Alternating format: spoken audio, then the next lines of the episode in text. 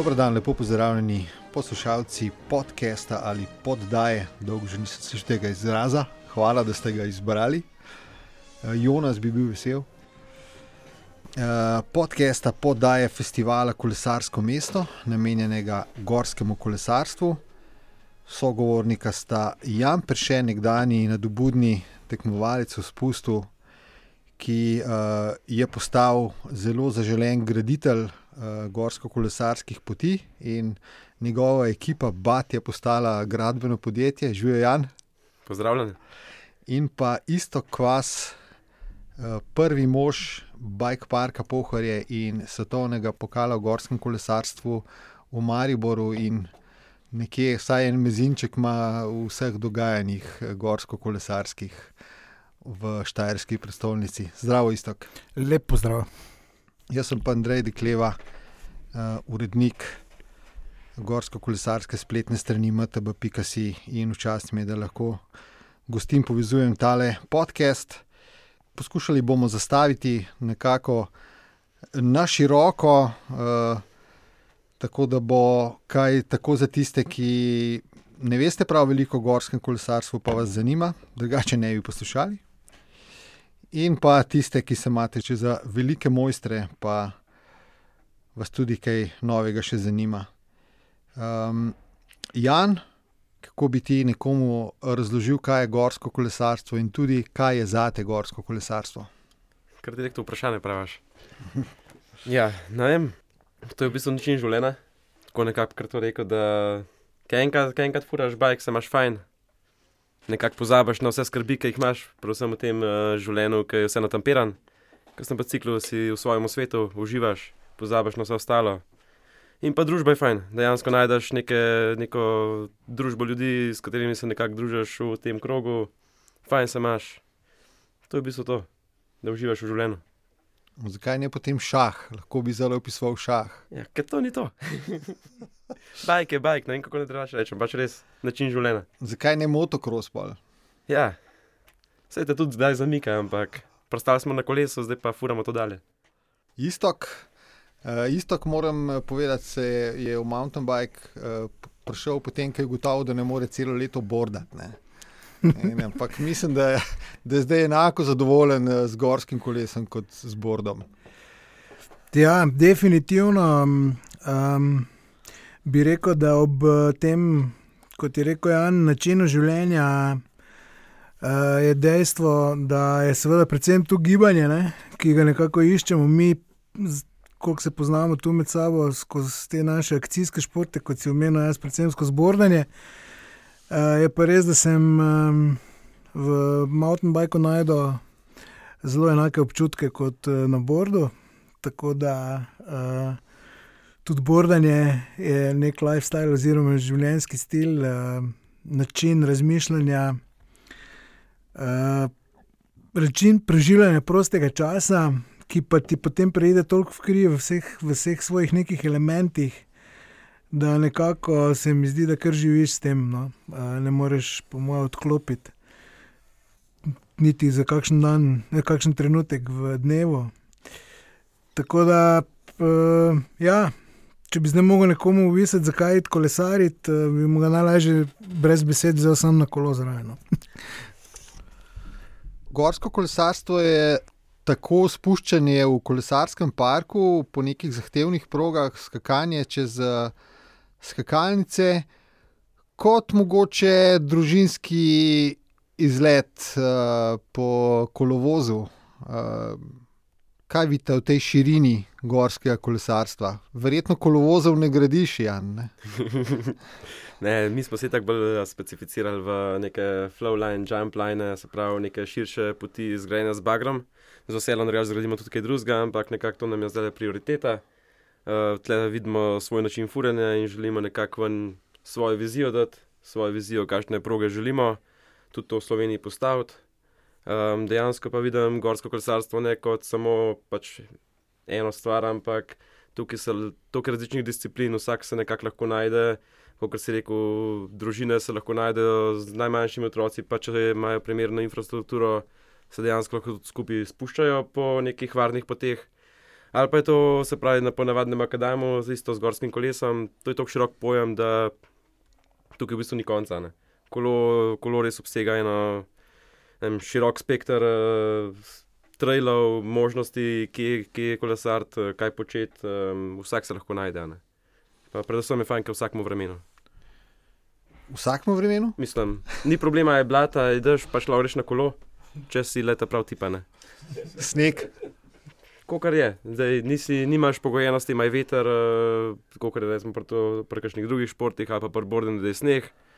Tukaj se lahko sprašuješ na kolo, tukaj samo odvisno od tega, koliko si, koliko si močen. Slišali smo mnenje kar divjega kolesarja in uh, graditelja velikih stvari. Uh, istok, uh, tudi turizem in parki uh, spoznavajo to širino in že dolgo um, ne ponujajo uh, doživeti samo nekim ekstremistom, ti so samo del trga. Ne? Ja, zagotovo. Mislim, jaz se vsakodnevno pač srečujem, ali pa sam sebe tudi sprašujem, ker sem pač v tem poslu že kar nekaj časa, ponudbe enega gorsko-turističnega centra v poletju. Um, mislim, da težko najdeš boljši produkt kot je gorsko kolo, um, ki v zadnjih dveh letih obsega toliko, toliko, mislim, toliko je razširjen, da ne vem, če znam že vse sploh našteti, brez kakega pripomočka. Um, kot si rekel, družine do tistih ekstremnih kolesarjev, mi smo nekako skupaj s tabo, če se spomniš, 99 začeli predvsem obratno z ekstremnimi kolesarji. Ne, se pravi, Um, tukaj smo gostili prvo tekmo stvarnega pokala. Če bi bili vsi skupaj takrat dovolj modri ali pa malo bolj pametni, tako kot smo zdaj, ne? potem bi že takrat naredili bike park. Ne? Potem, ko so vsi šli domov, ne smo mi lepo skrbno podrli vse skupaj, pa čakali, da so prišli čez eno leto spet. Tako da, ja, ampak kakorkoli smo se kasneje, pre, mogoče prepozno, ampak vseeno tu dovolj zgodaj, predvsem v našem okolju, začeli zavedati, da ta produkt eh, je to, kar, kar uh, nek gorski center v, v svoji turistični ponudbi uh, rabi. Um, zdaj, v zadnjem, v zadnjem času, pa živimo že z nekim prepričanjem, da ta poletna ponudba teh gorskih centrov začenja biti. Mogoče celo, ali pa v neki bližnji prihodnosti, poglavitna ne, ali pa prednostna. Pred, pred eh, to našo um, v, v DNK zapisano zimsko turistično ponudbo, ne, ki, s katero smo se rodili, živeli in bili prepričani, da je to vse, kar se na hribu dogaja.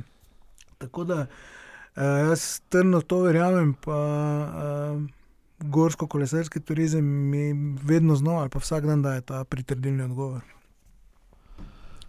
Uh, jaz osebno mislim, da se gorsko kolesarstvo začne, ko zaviješ uh, z makadama na neko malo ožjo potko, malo bolj razgibano, in uh, se ti posveti, v čem je užitek tega. Ne? Ni nujno, ne govorimo nujno o naklonih, o, o strmih sponih, o zahtevnih spustih. Um, Ne govorimo niti nujno o polno zmetenem kolesu za blazno velik denarja.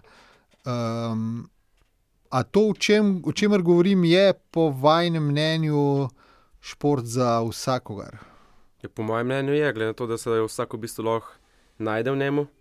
Se ni, tako ima vsak nek svoj nivo znanja, ni nujno, da ti letiš dol po, enemu, po eni progi in uživaš, ampak nekdo najde uživanje tudi samo na nekem moskem trailu, kjer ni nujno, da sem da izpustil, ampak lahko ravninski. Če on v tem uživa in moj fajn, je to to, je cilj dosežen. Ne? In ljudi je, ljudi je ogromno, vsak ima neke svoje cilje, svoj nivo znanja, koliko si kaj upa. In pri tem prekolesu je fajn, ker dejansko lahko vsak sebe najde in kaj hoče početi. In tukaj je v bistvu res, res ogromen, ogromen lahko zajamemo s kolesom, strajli, kot smo že prej rekli, z družinami, z družinami se lahko res posvetijo in se imajo fajn, grejo na izlet, na koncu pa mogoče, če pa infrastruktura dopušča, pa se, se kasneje še kaj bolj uh, v kakšen park spustijo, take stvari. Jaz vidim res širok, širok uh, spekter razvoja, predvsem v Sloveniji, ker Slovenija je. To, ki je majhna, ob enem pa to, koliko ponuja, da se lahko z enega konca na drugemu zelo hiter in je v bistvu lahko cela Slovenija en, en bike park v prihodnosti. Uh, ko priješ do spustov, se pa marsikdo ustraši. Ne? Je pa nek bav, ki je lahko nevaren. Ampak to, ker imaš bremze, ki te nekako solidno ustavljajo in se ne precenjuješ, isto, ki je to nevaren šport, kaj ti misliš v, v bike parku Pohorje, kakšne so izkušnje. Mislim, glede spusta, oziroma nasplošno gorskega kolesarja, če se vrnem tem, prej, čem ste prej govorili, res je, da se čarovnija se začne takoj, ko zapelješ iz Makedama v gost, pri prvi korenini. Tako da um, spoznavam pa, da je seveda um, določen strah. Nekaj izkušenj smo pridobili zdaj zadnji dve leti, ko se ukvarjamo tudi s kolesarsko šolo, kjer spremljamo, na kak način um, starši zaupanjem ali pa ne zaupanjem pripeljejo otroke, ki imajo pa ek, ekstremno veliko željo. Ne? In zdaj je tu bilo uh, vedno treba najti kompromis, kako znižati ali pa pridobiti zaupanje staršev, da zadostimo želji otroka. Tako da um, kolesarski park zagotovo um, že po svojem imenu bi nujno potreboval uh, infrastrukturo za vse vrste uh, obiskovalcev, se pravi za vse nivoje znanja. Ne. Žal, uh, marsikje to ne uspeva, tudi nam ne, moram biti kar odkrit uh, v, v Bike Parku Povorje, se pa trudimo, da bomo te zadeve. Uh, predvsem z tem, ko se šport tako širi in ko je toliko nove klientele in toliko uh, ljudi, ki se prvič srečujejo s takim športom, uh, nimamo drugega izhoda, kot to infrastrukturo pripraviti in jo mm, plasirati, če smem tako reči, v taki smeri, da bo lahko res vsi uživali v tem, ko se podajo v kolesarski park. Um, je pa res, da po mojem, pa še kljub temu kakršna koli je infrastruktura, pa je šport um, gorskega kolesarjenja takšen, da nek, nek, neko predznanje pa je koristno, oziroma skoraj nujno potrebno, preden prvič obiščemo park. Ne. Um, ne vem, če bi lahko to primerjal z uh, čemkoli. S katerim koli takšnim športom, kjer se lahko v kavbojkah ali kakorkoli vsedeš in uživaš, ja, po neki makedonski poti še, ampak v Bajku parku pa od užitka do težave eh, ni veliko, ni dolgo potno. Uh, o razvoju infra, infrastrukture bomo še malce več pozneje.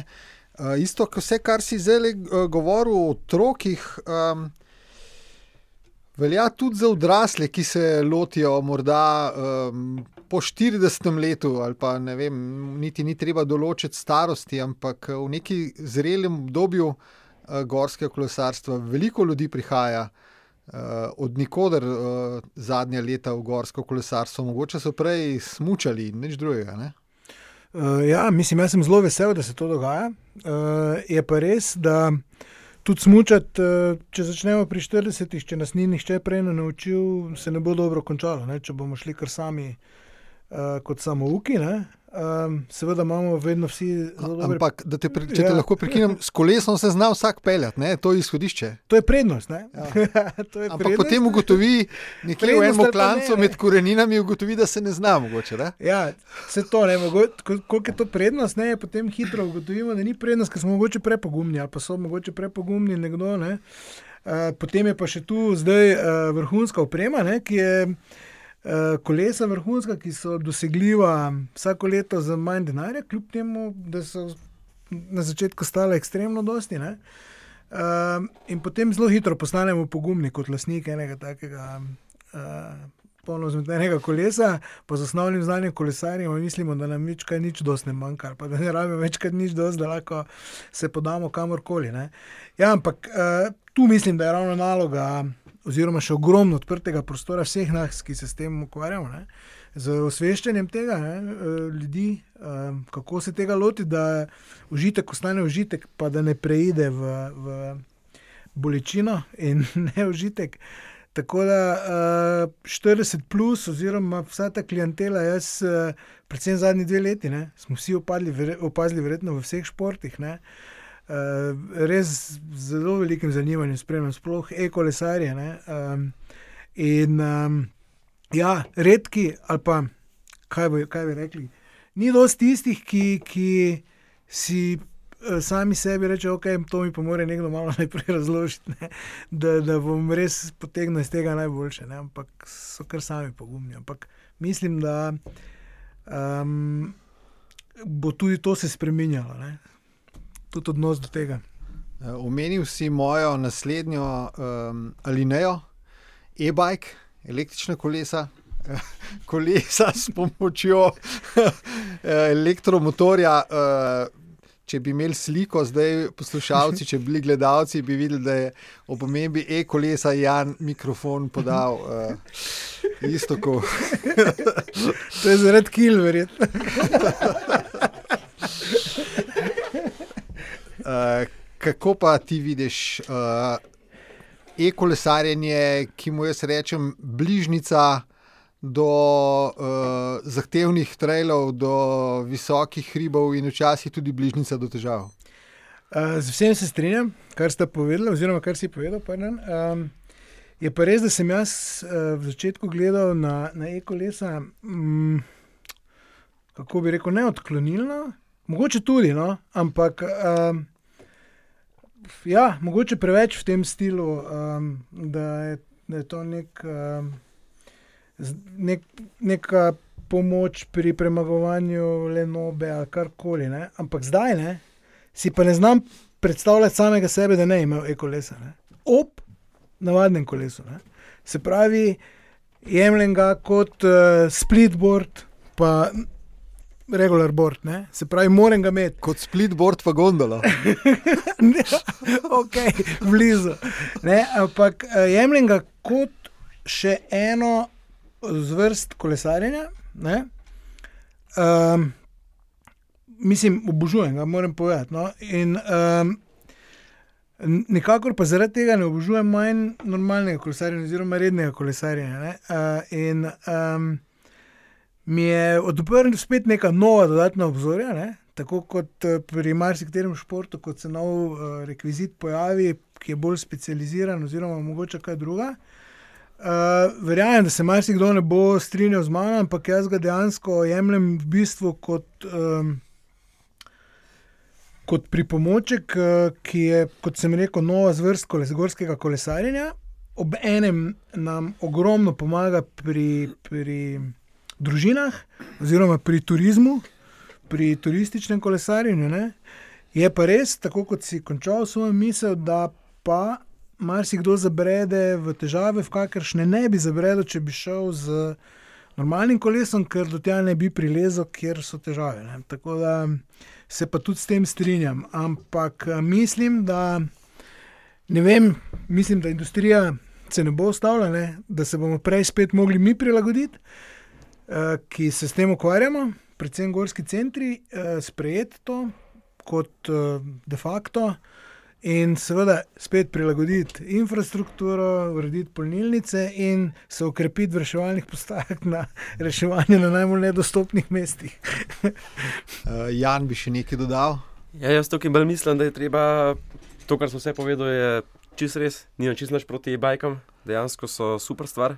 Ampak, kot sem rekel, istok, uh, treba se je prilagoditi in v bistvu vsi ti, ki delamo v gorsko-kolesarski sceni, infrastrukturi, parkih, ozaveščati ljudi na kakšen način stopnjevati po trailih in na kakšen način čiste začetnike, ki lahko prelezajo z e-bajkom nekam, kjer ni to najbolj smotrno še za njih, da jih od tega odvrnemo, da grejo po nekih stopnjah.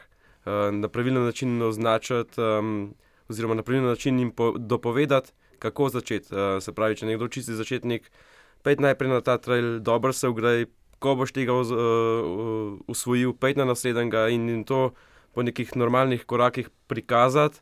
Zaradi tega, da on gre takoj na črno ali oziroma rdečo progo in se na naslednjem uvinku že, že potli hvala, ker to veš, da nikamor napeljene. Se pravi, treba je, treba je na primer način uh, prikazati ljudem oziroma vsem, vsem tem, ki šele začenjajo, da je treba začeti čisto na začetku, ne pa, ne pa kar prehitevati samega sebe. Ne. Uh, in to, kot si rekel, pa je bajki, so to še bolj porajta, ker nekdo, ki nima toliko kondicije, lahko pride malo više, kot pa brez. In tam se pa začnejo pojavljati težave, ker tudi te bajke težji, nekdo, ki nima ni še razvil neke koordinacije moči, vsega tega za obvladovanje kolesa, je tega še toliko težje in tam se pa pojavljajo sreče.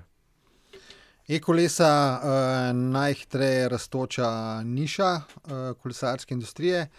Uh, pod številko dve, verjetno kolesa za Makadam, ampak mislim, da se bom tu bolj sam s sabo pogovarjal, če vaju bom sprašval. Ja, jaz nisem neki v Gravel stilu. v glavnem, googlejte Gravel Bikes, uh, uh, zanimiva niša. Um, ja, prej smo se z Janom pogovarjali, vse te stvari prispevajo k enem res velikem bumu um, v zadnjih letih. Uh, Jan je rekel, da mogoče pred desetimi leti si še vse poznal, ki so prišli v kolesarske parke ali pa na zahtevnejše poti ali pa kam skakati ali pa. Uh, pač nekakšna taka zbirališča, um, in danes, ki ko vsi kolesarijo, ni več nekakšne te skupnosti, ni več, uh, nismo več vsi na tine, ampak to prinese sabo razvoj nekega športa. Ne? Na začetku smo se borderji tudi vsi poznali, ne? ali pa ne vem, surferi. Ja, to je kar, kar zanimivo zdaj, ratelj. Leto se je recimo 15 let od tega, ko sem jaz prvi freeride bike kupil, pa prvega fulja. In takrat vem, da, ko sem prišel na prvo deha tekmo, je bila scena majhna, vsi so se poznali med sabo. In kamorkoli si šel furati, si nekako vedel, koga kontaktirati, ki so v tistem okolišu doma in si s tistim pol furu. Dejansko šport je bil še tako manjšina. Vsake tej pogledu si bil tratiran kot, ok, ti si gorski kolesar oziroma nek downhiller, karkoli. In je bilo zelo, zelo majhni sceni še to. Kamorkoli si se obrnil, ko si prišel na cesti, si koga videl, si ga skoraj poznal, ker je bilo to še v tako manjšem številu, zdaj se je pa v zadnjih, po mojem, bolj kot ne petih letih, je šlo pa to res, res oran gor. In zdaj pa na vsakem voglu že vidiš enduro bike in nimaš pojma, kdo ta je, ker se je to tako razvil, scena je res tako zrasla in to niso več uh, samo par sto ljudi, ampak se je to že tako razpasalo, da je tudi infrastruktura dejansko in vse komplet stvari morajo napredovati. Uh, več, več ljudi hoče to voziti. In ne moramo biti več na takem, na takem nivoju, kot smo bili pred 10-15 leti, ker nas je zdaj toliko več. Se pravi, rabimo več poti, rabimo več urejenih poti. Uh, dejansko ne morejo tudi tukaj, tukaj delati samo lokalne skupnosti, ampak morajo se pravi občine, država, vse tukaj morajo enkrat zadnji stopiti za to, ker drugače bo enkrat problem ratov, ker, bo preveč ljudi, preveč kolesarjev, infrastrukture pa dejansko premalo. In vse to se zdaj pravilno smer razvija, ampak se mi zdi, da glede na popraševanje še vedno prepočasno. Da, uh, da hitreje raste število kolesarjev kot uh, ponudba in infrastruktura. Hitreje raste to, kar pa v bistvu imamo mi uh, primernih poti za vse te začetnike. Recimo. Ok, in, kaj, in do kakšnih težav pridemo na ta način, kaj so konflikti? Uh, najbolj očitni so seveda uh, na mogoče nelegalnih poteh, tam, kjer pač kolesarimo. Ne bomo trdili, da ne kolesarimo. Ne? Če bi kolesarili vsi samo po legalnih poteh, bi verjetno en čez drugega vozili. Ne? In tako pride pa do konfliktov uh, s pohodniki uh, zunaj teh uh, te res majhne izmere uh, legalnih poti. Ja, ko si prej omenil, borderji smo se prej vsi med sabo poznali, pa kolesari, ko se je začela ta scena. Ampak vseeno mislim, da je kolesarjenje, oziroma gorsko kolesarjenje, predvsem iz tistega, kar smo prej se spomnili, da v bistvu kolesari zna vsak, da bistveno hitreje raste, ne? pa gre v bistveno širšo sfero, kot pa je šlo eno bordanje, ne? kjer je tudi bilo en čas, so res potem že skoraj vsi bordali, zdaj pa smo spet. Na tistem, da se spet, že skoraj spet vsi poznamo. Jaz mislim, da se pri mountain bikeu kaj takega ne more zgoditi. Ne? Se pravi, ne more iti v to smer. Ne? Bistveno Uh, mislim, zagotovo bo šlo samo naprej, ne, ne, ne kot pri Bordu ali karkoli. Uh, seveda, posledica tega pa je, da si naravno okolje delimo. Zdaj se nas deli bistveno več uporabnikov, ne, kot se nas je to pred petimi leti. Um, in seveda, če bi na pohorju imeli tri proge za smutanje, bi se tudi smutali, vsi drug drugemu po glavi. Ne. Pa bi turni smočari hodili med nami, pa vsi pohodniki. Ne. Zdaj smo, recimo, ležimo, oziroma smo pod največjim smočiščem Slovenije, ne? tako da smo v pozimi te gužve ni. Ne? Se pravi, jaz tu, če neko sporednico vlečem na Mariborskem pohorju, sem že doskrat dobo pač pripombe, da so kolesari posod in da se vozijo posod. Jaz jim odgovarjam, da so pohodniki posod, ne, da tudi hodijo posod. Ne. In seveda, eh, ker tudi eh, legalnih poti za pohodništvo ne, je mogoče tudi toliko kot kolesarskih poti, ne, ampak eh, pohodništvo nam je vem, bistveno bolj sprejemljivo, ne, širši, širši javnosti. Noben ga ne moti. Če zadnjič sem slišal, da, rekel, da ima vsak mari vrčen svojo pot na pohore, peš. Ne? Ne, po, ne, tak, potem uh, približno vemo, koliko je teh poti. Ne? In marsikatera je tudi ful dobro za, za bajk, pol uh, nazaj grede. Ne? Tako da uh, jaz mislim, da nam manjka tu vsem skupaj uh, infrastruktura, ki je urejena. Uh, verjamem, da kolesari, vkolikor bi imeli na mestu treh legalnih prog, ali pa 3 do 5 legalnih prog. Če bi jih imeli 25 tja do Areha, ne, bi jih na ilegalnih, oziroma bi potrebe po gradni, samostojni gradni ilegalnih poti, ali pa urejanja, pa vse čiščenja nekih zapuščenih pohodnih poti, bile bistveno manjše, kot pa so. Uh, daleč od tega, da bežimo pred kakršno koli odgovornostjo tukaj, ali pa da se mm, ne strinjamo s tem, ja, ja, ampak uh, ne bi pa dal vso problematiko ali pa težo problema a, na kolesarju, ker mislim, da je tudi na drugih področjih, ne, te, a, sobivanjem na naravnem okolju, še marsikaj za dorečne.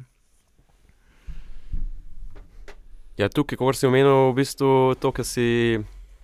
Po večini si mladina sama za graditi rele, je to največji problem tega, da oni želijo oni hočejo nek svoj nivo, oziroma svojo vizijo ven dajati in tega, tega infrastrukture v Sloveniji ne ponuja še, oziroma je to samo na določenih pač prostorih, oziroma parkih ali trail centrih in zato se tudi to dogaja. Zdaj, če bi mi več take infrastrukture gradili, bi definitivno se manj uh, ilegalnega posega v okolje iz strani kolesarjev delali. Jaz sam mislim, da moramo z infrastrukturo naprej in um, v naslednjih petih, desetih letih to orang, orang uh, vzigati na višji nivo in pa dejansko povečati eh, število kilometrov legalnih poti v Sloveniji. Torej, ključna beseda je uh, sobivanje, usmerjanje gorskih kolesarjev na urejene poti. Jaz osebno mislim, da konfliktov je relativno malo in tisti, kar jih je, pač pridejo uh, danes skozi družbene medije, zelo hitro uh, zrastejo. Um, in za, za, dva, uh, za dve odgovorni osebi je vedno prostor na, na poti, ne? če en s kolesom, en peš. Uh, razen če se najdejo, seveda, taki, ki uh, se ne znajo nič zmeniti, taki so pa na obeh straneh. Tega, ja. pa, tega pa ne bomo podcastu rešili. Ja, to je pa posod vidno. Zdaj, najlažje je, da če srečaš enega pohodnika kot kolesar, da, najdeš, da, da narediš konflikt, je, da se lepo počasi uh, zabrenzaš že pred njemu, greš čist počasno mimo, ali se zelo ustaviš, pozdraviš, greš lepo naprej z dobrim odnosom in tako se nekako uh, na dolgi rok lahko neko dobro, dobro ime ustvari za kolesarje. Ne da mi letiš kot šef in misliš, da si ne vem, kaj naredil. Istok. Jaz mislim, da je konfliktov ravno toliko, koliko uh, jih je na cesti. Ne? Toliko, koliko smo različni ljudje. Ne? Več ali manj se normalno skozi vozimo. Verjetno jih, je, verjetno jih je manj. ali pa celo verjetno manj, ne? ampak uh, ob vožnji normalni, vsakih toliko časa nekdo trobi, nekdo maha, nekdo divje vozi. Ne? Ja, to pa... se dogaja tudi zgoraj. Večinoma se pozdravimo, gremo drug mimo drugega, ne? včasih pa kdo maha, kriči. Ne? Tako da jaz mislim, da je odvisno predvsem od ljudi. No? Tukaj, da, da ne bi zdaj to, um, pa so bivanje, kjerkoli, na katerem področju, po mojem um, so minili tisti časi, ko bi se nekdo nekoga izklicno za to razburil, ker je nekdo kolesar. Ne? Ampak mogoče se razburja zato, ker tisti nas slaje volje. No? Ja, leta 65 ni bilo, ker prideš do takih, pa je problem. Um, vse več kolesarjev, te, tega se ne da ustaviti, in vedno več jih bo. Uh, koro, v koroni se očitno še množimo. Ne? še veliko hitreje. Um, infrastruktura bo tudi čez zamudo. Kje je prihodnost, kako bomo kolesarili čez uh, 10, 15, 20 let? Ne mi, mi bomo mogoče na e-bajkih, ampak kako se bo kolesaril? Jaz bo še kolesaril. Jaz tudi, no. to sem za, tako za.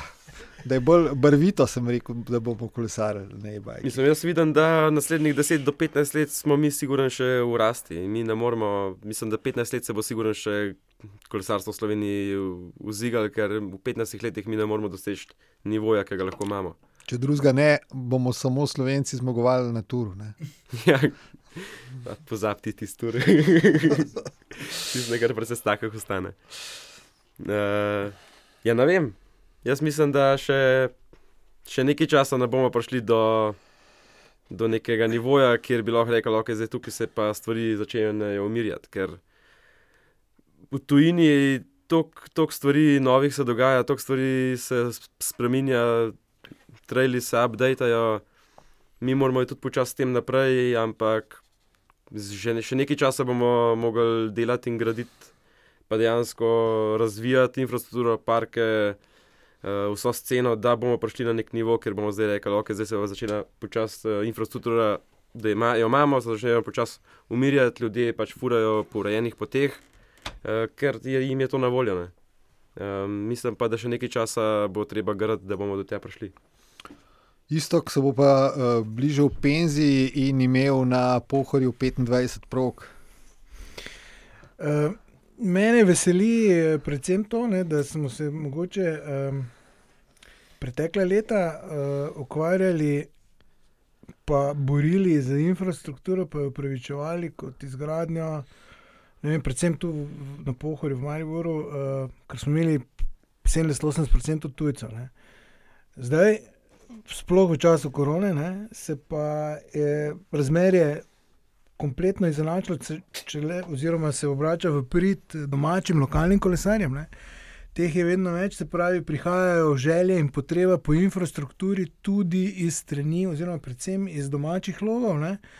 Tako da uh, jaz vidim, da bomo v prihodnosti uh, z tem, kar narekuje industrija, uh, verjetno. Uh, kolesari po bistveno boljši infrastrukturi. Ne verjamem, da se bodo resničile napovedi, da bodo obstali samo še e-kolesari, čez 10-15 let. Čeprav imam e-kolesarje in zelo rad, eh, močno dvomim v to. Ampak, kot sem rekel, uh, industrija bo to narekovala. Um, izgrajena infrastruktura, če pripelje gosta, pripelje tudi denar za vse tiste, ki so bivajo ali pa živijo ali pa kakorkoli so odvisni od, od te infrastrukture. Uh, Vkolikor bodo ti zadovoljni, oziroma bodo videli, da uh, infrastruktura vrača to, za kar je bila izgrajena, bo podpora še večja. Tako da tu vidim samo ta krok, ki se bo, ko se bo Jan je rekel, da, ko, da bo samo rasla, vidim, da se bo ta žoga uh, kolesa, gorskega kolesarstva uh, vedno bolj uh, hitreje vrtela, in vedno več ljudi bo, ali pa vedno več deležnikov bo, bo, bo na tej žogi. In mislim, da bo um, postalo samo umevno, tako kot je danes samo umevno širitev smočišča, da bo samo umevna širitev Gorsko-kolesarskega parka. V to, v to verjamem, ker verjamem, da bodo v to prepričali ne prepričane, še ne prepričane, ali pa tiste, ki trmasto vztrajajo pri nekaterih z, uh, usmeritvah, uh, same številke obiskovalcev in um, efekt, uh, ki, ga, ki ga takšen gost oziroma po eni strani gost prinese, po drugi strani pa tudi uh, zadovolj, uh, dviga to kakovost življenja v nekem mestu, eh, ki tako kot uh, verjetno se vsi strinjamo, da med smočišče na pet minut od centra mesta. Je iz, iz, izrednega pomena za, en, za eno bivanje, oziroma za en življenjski eh, nivo. Verjamem, da bo gorsko kolesarstvo, glede na to, v kateri smeri tudi predstavljalo uh, visoko kvalitetno življenje, oziroma infrastruktura, ki to omogoča, dodano vrednost uh, mesta, kjer bivaš. Um, tako na pamet bi rekel, da um, ta trenutek marsikje po Sloveniji uh, gorsko kolesarstvo, izgradnjo infrastrukture poganjajo skupnosti, neka civilna družba, ki um, pritegne potem um, neke deležnike, občino, mogoče, mogoče turizem. Um, in pa po drugi strani, glede na to, kaj gledamo v, v gorsko-kolesarskih parkih, smočiščih, um, se pravi, kapitalu, da pa je šel ta del morda celo korak nazaj. Ne govorimo o Bike Parku Pohorje, ki je pač naredil novo zgodbo um, pod Marpromom. Um, ampak ta trenutek imamo v Sloveniji manj gorsko-kolesarskih parkov z žičniškimi napravami, kot smo jih imeli pred petimi leti. Uh, zaradi kakšnih lastniških težav, zaradi um, nepripravljenosti v, do resnih investicij. Uh, isto, kaj ti praviš o tem? Um, se strinjam. Um, to je de facto res. Imeli smo večje število parkov, bili smo združeni pod enotno kolesarsko vozovnico. Produkt kot Slovenije, kot enega bike parka, kot si prej omenil, Jan, je bil že na zelo visokem nivoju, tudi promoviran v tujini na ta način. Ne? Tako da, um, uh, tako kot po eni strani kolesarska industrija raste, rastejo trail parki, se pravi, parki brez, brez žičnic, se pa na drugi strani uh, gorski centri iz različnih razlogov uh, ne zavedajo te svoje prednosti pa kapitala, ki ga že z, iz, iz, z izgrajeno infrastrukturo, ki je ponavadi največji strošek, ne, ne znajo, po domače ne znajo iti, pa ne znajo, znajo stvari zapeljati tako, da bi, da bi uh, funkcionirale. Um, Mar si kdo je že mnenja, da se je lažje iti trail park sam na enem večjem kosu gozda, kjer se zmeniš z lastniki, kaj boš naredil, kot pa se to dogovoriti v eni večji sredini v mestu, kjer je eh, žičnica zgrajena in jih prepričati, da je bike park ta prava zadeva. Eh, Nažalost je verjetno to res. Uh, ampak, kot sem že prej omenil, verjamem, da širjenje popularnosti tega športa, gorskega kolesarstva, oziroma prehajanja v, v lifestyle od marsikoga, pa, pa širjenje industrije, pa podpora tega, da bo pripomogla k temu, da bodo se gorski centri vrnili na pravo pot razmišljanja, pa, pa uh, skušali nadoknaditi za, za mojeno. No. Um, res, Slovenija, kot si rekel, um, redko kateri bike park, ki zdaj obstaja, gostu iz Anglije ponuja uh, toliko vsebine, da bi bilo vredno ostati več kot dva dni. Ne vem, če vidva, kje ga poznata. V bistvu ne. V bistvu ne, ne. En teden Slovenije je fino. En, en teden Slovenije je v bistvu primerljiv z tem, kar Morzin prodaja Angležu. Mhm. Morzin ima 52 žičnic v sistemu ene karte in tam imaš 5 do 7 dni kaj za delati. Uh, ko sem jaz tem istim agencijam poskušal prodati Maribor, sem rekel, povej mi, kaj naj delamo po dveh dnevih. Ne? Nimamo, nimamo um, vsebine. Vsebine pomeni, da nimamo dovolj trailov. Ker to, kar nam ponujaš ti, bomo pofurali v dveh dneh, in potem nam bo dolg čas. Ne moremo pa priti za dva dni, potem, ker se nam ne splača. Potem bomo sedeli na lentu. ja, ok, super ne vem, če so pripravljeni za to plačati, da pride sedeti na lendu. bo pa krasno sedeti na lendu, sploh ko bo prenovljen. Uh, bo čudovito, ne? ampak popoldne, po furanju. ne, ampak od, od tu smo potem začeli razmišljati, ok, potem smo prišli na to, da bi te, te iste agencije ponudili Maribor pa šladmink, ne? pol smo bliže, bliže. Ne? Smo rekli, ok, dva dni Maribor, pa tri dni šladmink. Ne? Na koncu so se odločili in so vzeli paket Leogang šladmink. Ne? Niti šladmink ni bil uh -huh. dovolj, da bi bili en teden, pa vemo, da je šladmink samo lani vložil skoraj milijon v, v noge proge. Ne? Pa ni bil dovolj, da bi en britanski gost, ki, ki je pripravljen res dobro plačati, ampak za tisti teden, ko je pripravljen plačati, hoče res dobro vsebino.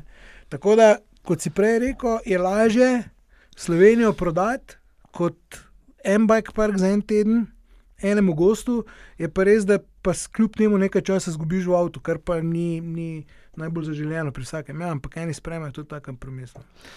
Um, moramo se zavedati, da uh, ne govorimo o, o tem, da tako kot narediti kakšen slovenski park. Ne, uh, v, v razvoj prok v enem letu, ali pa saj vzdrževanje, investira ne vem, 6000 evrov, pa brezplačne vozovnice za fante, ki delajo. Ne? Ampak eh, da tudi ta milijon, ki si rekel za šladmin, ki je relativno mehna številka, ne? govorimo o desetinah milijonov, da ti razvijaš v par letih uh, res dobro destinacijo, ki ima kaj za ponuditi. Uh, bo kar Jan nadaljeval, ki je tisti, ki s takimi številkami straši uh, slovenske potencijalne investitorje. Ne? Ja, pa ponovadi uh, ponovad se navrnem lih veselih uh, z, vesel, z nasmehom na, na ustih. Um, ne vem, kako je že isto rekel. Uh, ja, Slovenija, Slovenija ima zelo dober potencial, um, tudi za britanske goste, ampak res moramo delati na infrastrukturi. Um, jaz sem bil v Morzinu in oziroma tistem koncu Porto Soli, kar parka zdaj že. Um, oni res ponujajo ogromno za cenejšo karto, kot imajo slovenski parki, ampak oni zdaj imajo pet različnih parkov, medtem ko ima vsak od teh petih parkov svoje proge, različne načine prog, vsak park pokrije neko svojo zgodbo, medtem ko mi moramo ciljati na to, da pri nas vsak park pokrije čim več. Um, prej smo se dotaknili trail centrov, trail centri, kar se mene tiče, so super stvar. Um, v bistvu se mi zdijo kot neka razširitev lokalne skupnosti kolesarjev, da v lokalni skupnosti ponudijo eh, legalne traile. Definitivno pa ne vidim dolgoročnega raz razvoja oziroma velike širitve teh trail centrov. Ker trail center pač do neke mere bo lahko zrastel, zaradi sedežnice ima pa omejene kapacitete, ker ne more toliko pa toliko ljudi na vrh spraviti. Se pravi, trail centri ali imajo šatel, ki je definitivno omejen, ti ne moreš toliko pa toliko kombi uh, ljudi. Uh, voziti na vrh in to, kar levati, da imaš na koncu 10-15 kombijev v floti, ampak se ti pač ta številka nekaj ustavi. Um, isto so pa vzdrževanje cest, po katerih se kombi vozijo, vse to se za sabo potegne. Medtem, ko ti sedežnico postaviš, imaš ti par zaposlenih in sedežnico v bistvu laufa. Medtem, ko ti to lahko prepele večjo količino ljudi. In jaz vidim v bike parkih sedežnico to prednost, da lahko se pravi ponudijo infrastrukturo tujcem uh, oziroma turistom, ki pridejo sem za en teden, samo s tem namenom, da furajo bike, se imajo fajn, uh, so tukaj na dopustu in um, trail centre kot neko razširitev slovenske, slovenskim lokalnim uh, kolesarjem, skupnostim in pa tistim, ki jim ni problem se voziti malo okoli in pregledati, kaj Slovenija dejansko ponuja. Um, definitivno moramo pa ciljati na to, da v parkih, ki imajo sedežnico, začnejo, začnejo oziroma začnemo vsi uporabniki, oziroma vsi kolesari to pritiskati, ne samo na upravitelje parka, ki v veliki večini niso odgovorni za to, koliko sredstev dobijo, ampak je veliko dejavnikov še zadnji. In je začeti treba pritiskati na bolj širšem, širšem spektru, da dejansko se začnejo neke investicije dogajati. Ne.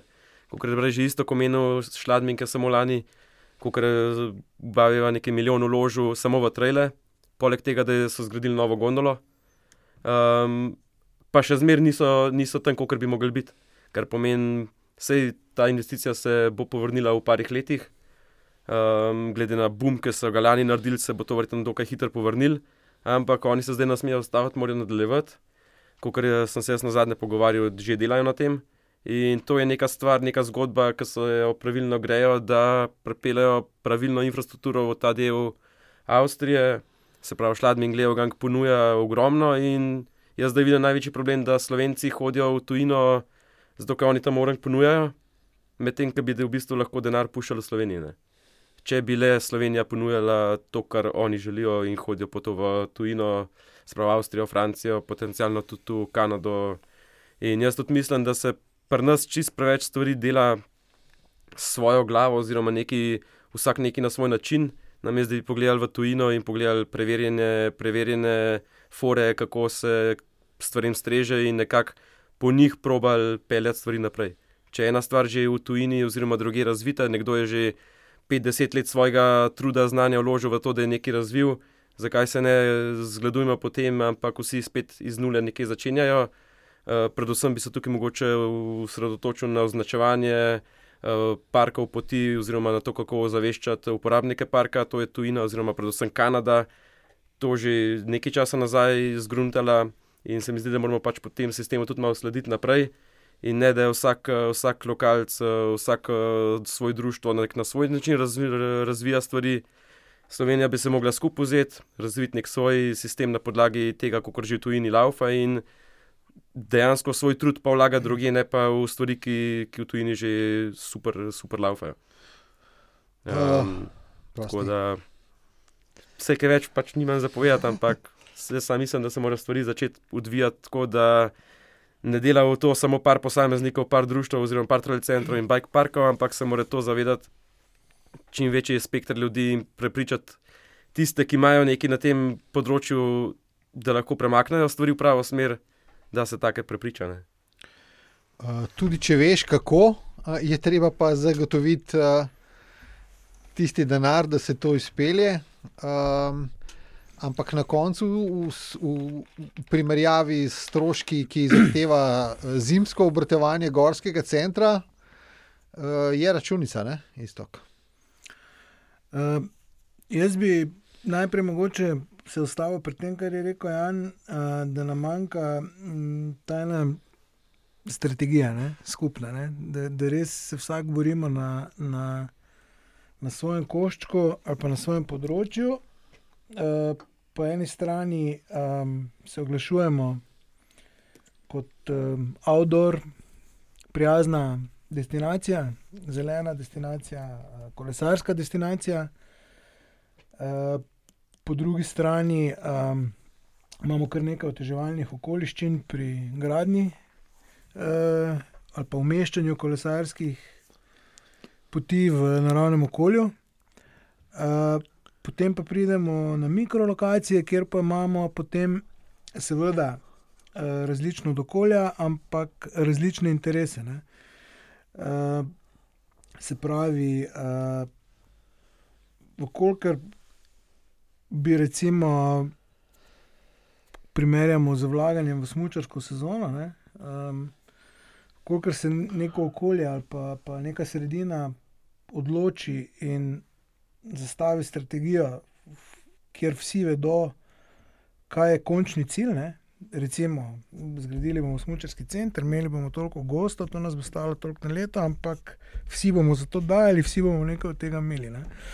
Uh, da potem to ni tako težava, kot pa če se samo del ene sredine odloči in uh, začne vlagati v smočarsko infrastrukturo, drugi deležniki, ne vem, mogoče hotelirji, ne, k temu sledijo, ne poznajo strategije, uh, niso niti vpleteni, niti pri vlaganjih, niti pri. pri, pri pri uh, koristih, uh, vidim tu večji problem. Uh, je pa res, da je pa smočarska sezona krajša in dražja. Uh, plus tega je poletna sezona, ob tem, da je daljša, uh, za izgradnjo infrastrukture, ki je potrebna, definitivno cenejša, ob tem pa lahko koristi infrastrukturo, ki je bila zgrajena zaradi zime, pa stoji. Ne? Ker zima ne more koristiti, zi, zimski gorski center težko karkoli od poletne infrastrukture uporablja po zimi. Ne? Gorsko kolesarstvo pa poleti uporablja v bistvu žičnice, ki, ki bi drugače stale. Ne? Tako da tu vidim eno veliko prednost. Ne? Uh, smiselnosti vlaganja v, v, v poletno sezono.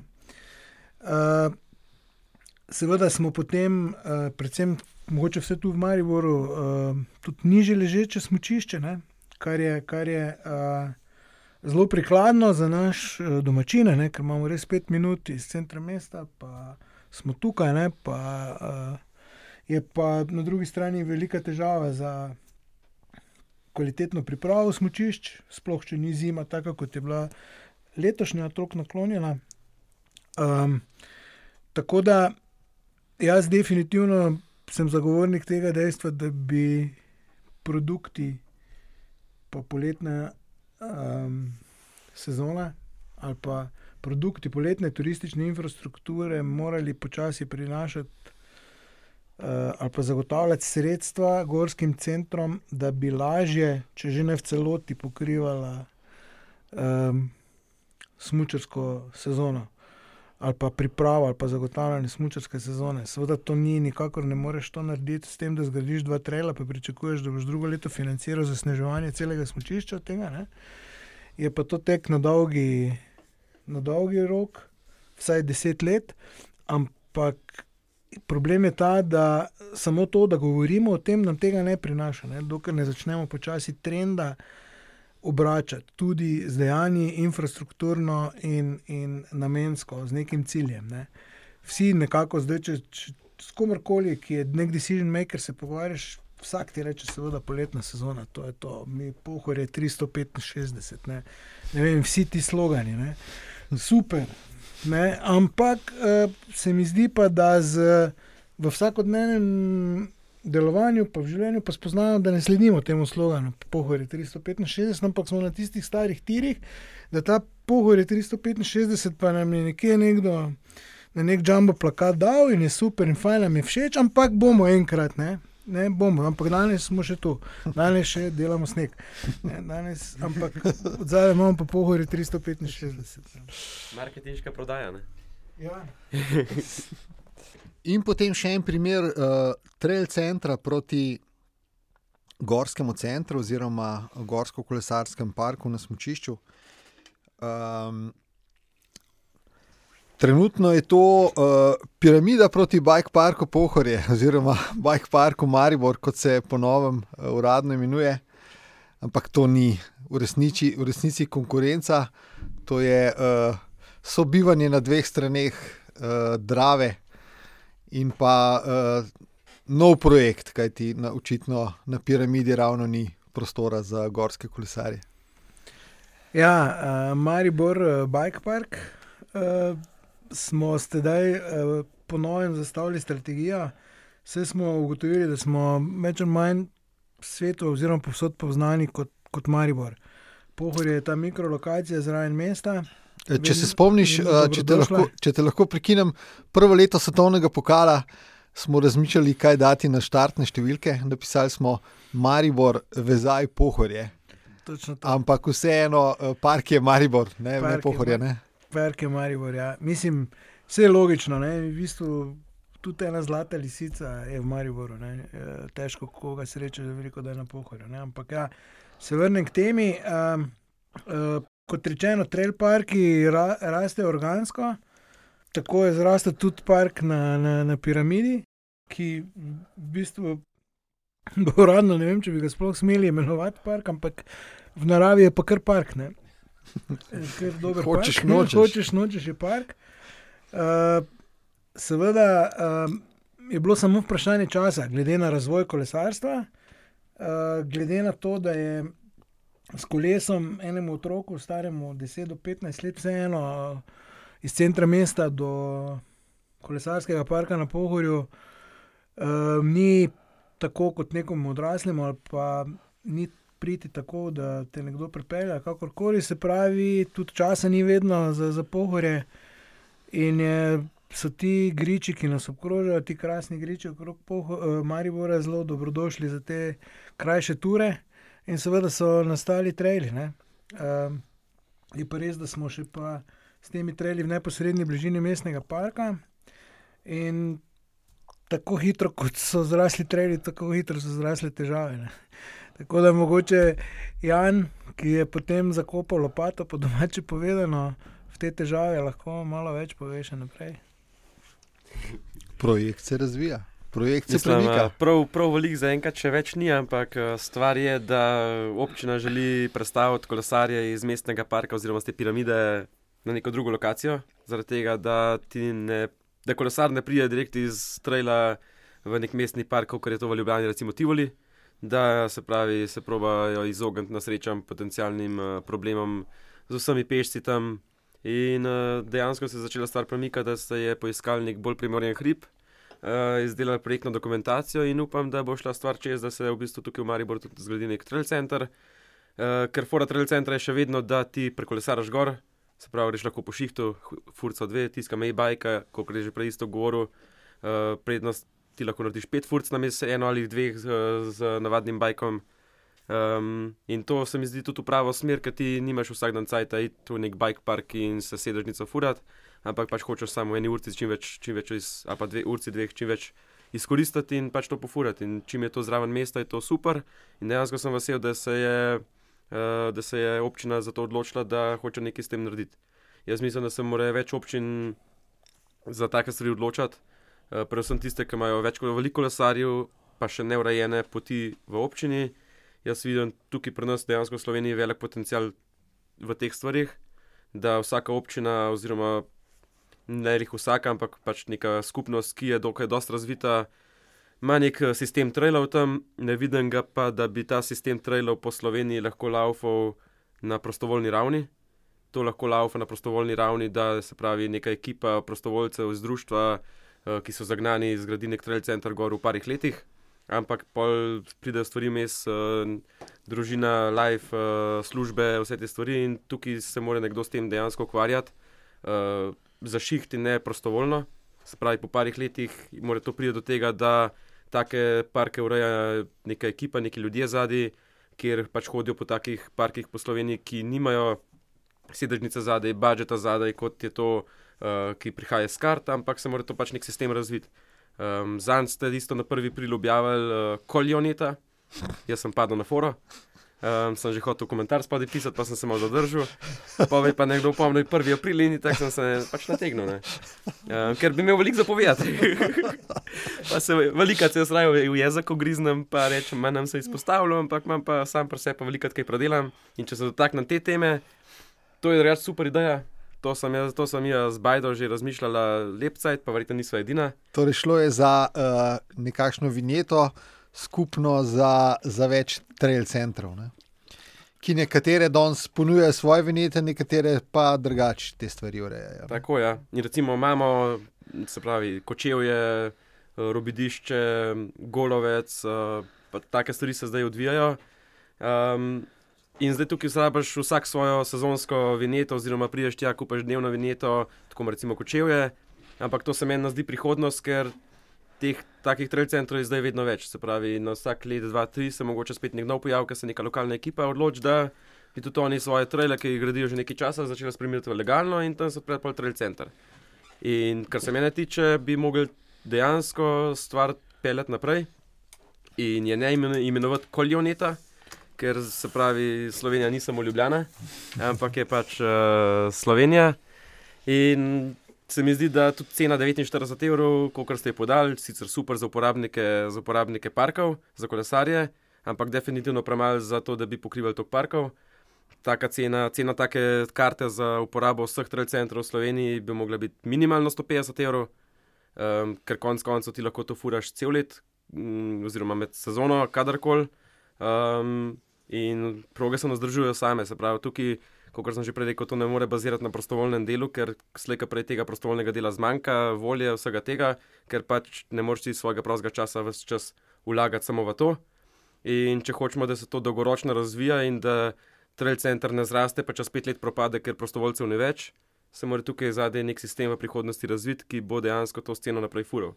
Um, definitivno prostovoljci so dobrodošli, so, ustanajo, če seveda imajo voljo, oziroma celo svoj, se pravi, vlaganje prostega časa, da kad- kasneje lahko vložijo in spremenijo to, da je to njim šiht, če, jim to, če jim to rata, je to super, ampak na dolgi rok se, pra- se mora nek sistem razviti.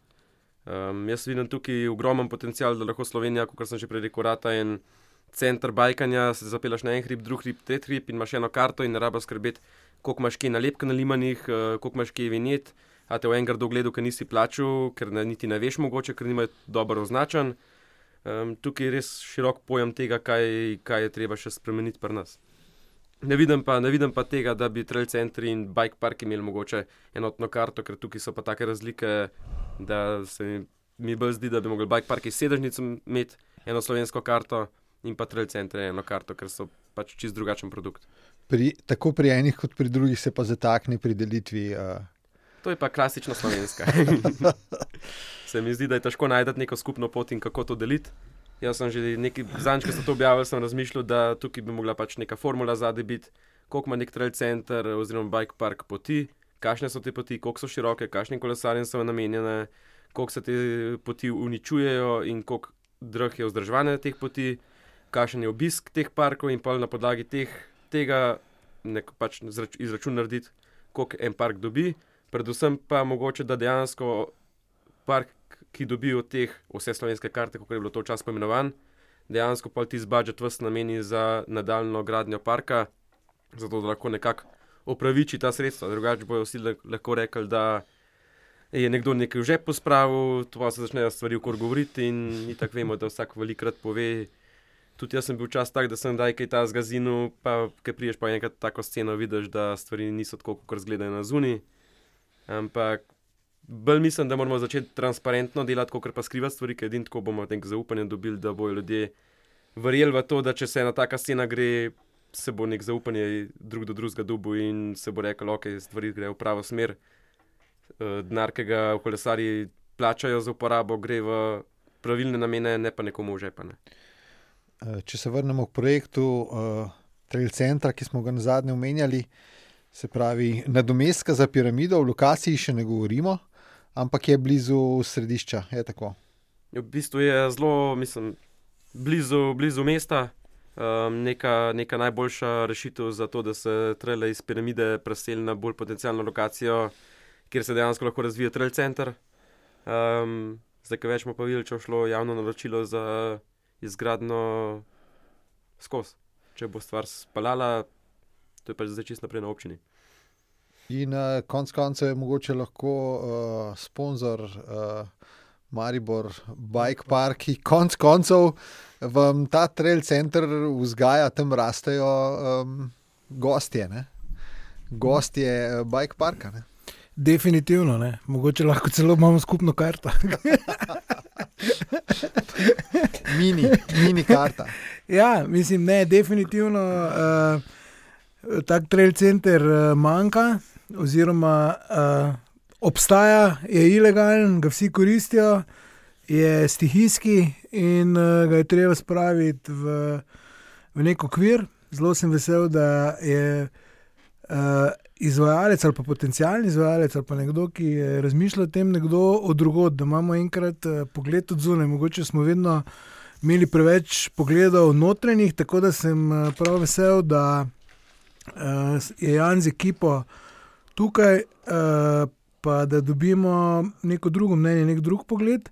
Definitivno pa na tem bregu Drave uh, rabimo ta trail center. In kot si sam rekel, ne, od otrok do, do tistih, ki hočemo samo popoldne skočiti uh, za krajši čas na kolo, um, za vikend pa potem odrinemo s pomočjo gondole proti rogli ali se ostavimo samo v bike parku, nas je ogromno. Ne? Tako da super zadeva, ko bo realizirana in definitivno bomo kot Maribor Bike Park to zagotovo podprli. Uh, takoj, ko bo prišlo do takšne izhodišče točke, kjer bomo lahko pomagali, oziroma tudi skozi naše kanale to promovirali kot ponudbo, konc koncev Maribora, uh, kot Bike Parka. Spromovirali bojo pa to zvezdniki svetovnega pokala, ki se bodo tja prišli malo ugret, pa podiveti. Ja, to, to je bila praksa, ne? zdaj smo to prakticirali na Lendu, parkrat. Konec koncev na BMX progi se pokažejo v svojih videih, kdo si kdo od teh tekmovalcev, ki pride. Res je. In še kje. Ne? Ja, uh, seveda, še vedno sem zagovornik teze, da je organizacija svetovnega pokala najboljša promocija tega produkta, o katerem zdaj več čas govorimo, um, ne samo za Maribor, sto procentno ne. Uh, mislim, da so vsi produkti, ali pa kolesarski parki, ali pa festivali, ali pa še marsikdo bi se lahko obesil na nas, na, na, na, na, na ta tovrnjak, ki, promocijski, ki ga, ki ga uh, ta cirkus prinese. Uh, tako da to orodje bomo zdaj tudi uh, ponudili, ker, ker uh, definitivno uh, mislim, da je bi bilo prav, da če bo le možno, da se avgusta, ko bo, ko bo ponovno svetovni pokal v Mariboru, tudi uh, naprimer golovec streljc tukaj predstavlja, ne? zakaj pa ne. Uh, ker se, kot prej rečeno, ne? Slovenija kot bike park, to je pa mislim, da najbolj, najboljša možna promocija. Um, znaj, vse do sedaj z največjim dosegom, no, kar, kar pač lahko tej sferi ali pa tej direktni ciljni skupini ponudimo. Um, letos bomo gostili skozi 14 dni, skozi tri tekmovanja. E, tukaj v bistvu upam, da cel svet, če bo leto avgusta možno, um, na ta način je možno tudi v teh 14 dneh obiskati tudi kakšen drug, uh, drugo lokacijo v bližini, ne? kakšen koncert v Ljubljani, ne? če bo realiziran. Tako da uh, definitivno razmišljamo v tej smeri. Ja.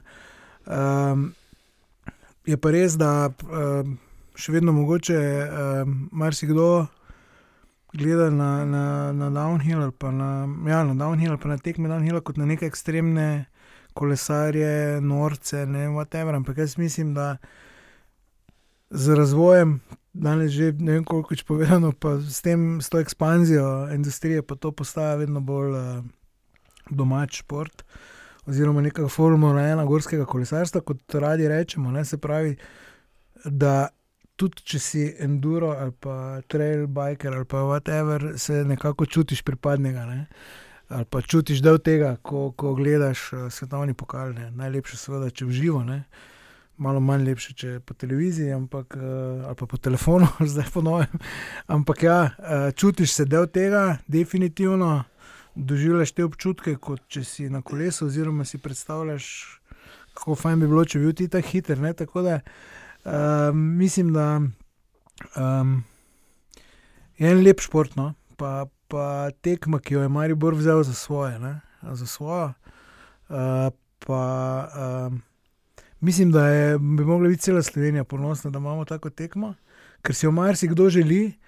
Tudi mi je nismo uspeli dobiti za drugo leto, ne? takšna konkurenca je, take želje so. Ne? Tako da uh, ni samo umevna, to marsikdo pozablja, ko ga pridemo prositi za kakšna sredstva, da nam pomaga to organizirati. Uh, te tekme niso samo umevne, tako kot uh, se že včasih govori, da tudi Zlata lisica več ni samo umevna ker prežijo marsikateri centri z boljšimi pogoji, uh, ki jih nudijo mednarodnim organizacijam. Tako da mislim, da se moramo vsi skupaj za, za take stvari boriti, ne? ker uh, res niso samo umevne. Pa če jo zgubiš enkrat, mi smo jo zdaj že dvakrat vmes prepustili, ne zgubili, nekaj Maribor. Uh, Nikoli ni nehal delati tekme, zaradi tega, ker bi bo to v bistvu naslednje leto prvič, ne, da bi jo si mi želeli delati, mm. pa je ne dobimo. V preteklosti uh, smo dvakrat, zaradi takšnih in drugačnih razlogov, v, v našem okolju pač šli na neko pauzo. Pa mislim, da zdaj si ne smemo več privoščiti, ne, da bi še kdaj stopili. V, v teh časih konkurence, ekspanzije, kolesarske industrije in vsega, bo to res skoraj da ne mogoče, ali pa misija ne mogoče dobiti to tekmo nazaj. Eh, to je bilo moje naslednje in zadnje vprašanje za oba, torej vajni letošnji črti, isto, ki je predstavil uh, svetovni pokal letos uh, v Mariboru 14-15. august. Predtem, uh, v desetih dneh predtem, uh, najprej dirke Evropskega pokala in to še Evropsko prvenstvo. Povejva, da je posebnost, da bo prvič tudi v zgodovini evropskih prvenstv spustil poleg tudi um, Evropsko prvenstvo za mlade, to so mlajši od 17 let. Torej, dve kategoriji, do 15 in do 17 let, uh, tako kot že vrsto let to prirejajo v disciplini Krost. Prvič spustil, torej premjera na Pohorju. Uh, pa kaj bo še novega letos v parku? Boste kaj skupaj lepega? Ja, uh, letos bomo skušali uh, realizirati. To se nam tudi ni zgodilo, ne? da imamo že leto dni papirje za dve liniji, pa še nismo uspeli proge narediti. Ponovadi smo imeli prej vedno proge, pa pol papirje. Mogoče to ne bi smel zdaj povedati. Ampak ja, uh, te, te, dve, uh, te dve niste zdaj uh, uh, progi v celotnem obsegu v Bajkparku, ampak sta dva dela. Uh, ena je na stolpu, podsedežnica stolp, ki bo v bistvu neke vrste povezava, predvsem za tiste kolesarje, ki gredo proti Arehu, Rogli in naprej in se potem tudi vračajo. Ena je pa, pa v spodnjem delu svetovnega pokala. Uh, drugih uh, planov kopanja, kar se kopanja novih prog uh, za letos, nimamo, oziroma nismo ambiciozni v tej smeri, zaradi tega, ker imamo dosti za narediti na obstoječih progah, da bodo te uh, takšne, kot morajo biti. In ekipa je že začela delati, zdaj se je seveda vse skupaj ustavilo zaradi snega, tako da upamo, da se vreme čim prej popravi, oziroma da se sneg stopi, ker drugače smo računali, da bi v naslednjem tednu lahko že odprli še kaj druga, zraven Redline, tako pa bomo, mislim, da zdaj da smo za. 14 dni, da se nam bo odprtje zamaknilo. Tako da uh, uh, pridobili bomo kompletno novo pralnico, res takšno, kot mora biti, uh, kot avtopralnico. Tako da uh, to so letošnji plani. Uh, je pa seveda, uh, ob tem pa seveda ne, ne počivamo na načrtovanju trailov ali pa trail parka proti Arehu z možnostjo vklopa kakšne sedežnice naslednjo leto. Hvala, Istok, Jan, dogodki, gradnje. Ja, kar... Kje brnijo stroji? Kjer nam bo le dopuščalo. Um, načeloma najbolj si želim, da bi šlo, da bi šlo Flat Out Days festival čez, da bi imeli dosti financ in da bi ukrepi to dovoljevali ker še zmeraj si želim, da bi tisto linijo še enkrat spremenili, popravili in da bi delovala tako, kot se zagre. Um, in pa da dejansko ljudem spet ponudimo nek eh, tedensko, tedenski, se pravi, zabancijo, fajn se imeti, um, uživanje s kolegi in pa dejansko teden, teden kjer, se, kjer se različni kolesari zberajo in se imajo fajn. Poleg tega pa definitivno, da zgradimo še kaj, še kaj zanimivega, tukaj pri nas v Sloveniji. Um, definitivno, si, kar si pa najbolj želim, pa verjamem, da to leto še ne bo realiziran, pa ne vem, kdaj bo, da bi dejansko zgradili kilometr, dva ali pa tri neke konkretne proge, kot še v Bike Parku. To, to je že dolgoletna želja, ki pa še ne vem, kdaj se je zdaj uresničila. Predvsem je ponovadi problem um, finance zadaj. Um, da se pravi, ne moramo realizirati take, take stvari, ker je treba stvari delati uh, po nekih manjših uh, kilometrih oziroma metrih, uh, štukati uh, z nekimi drugimi progami. Um, v veliki večini se pa tudi uh, parki, parki sami stvari lotijo. Um, tako da jaz res upam, da se bo kdaj pojavila šansa, da, da kakšno tako stvar naredimo, potencialno tudi tukaj na pohorju. Flat Out Days je eh, prekrasen festival eh, v Kočevju. Vsi, ki vas zanima, boste najdel marsikaj uh, na Instagramu, YouTubu, na spletu, kjerkoli.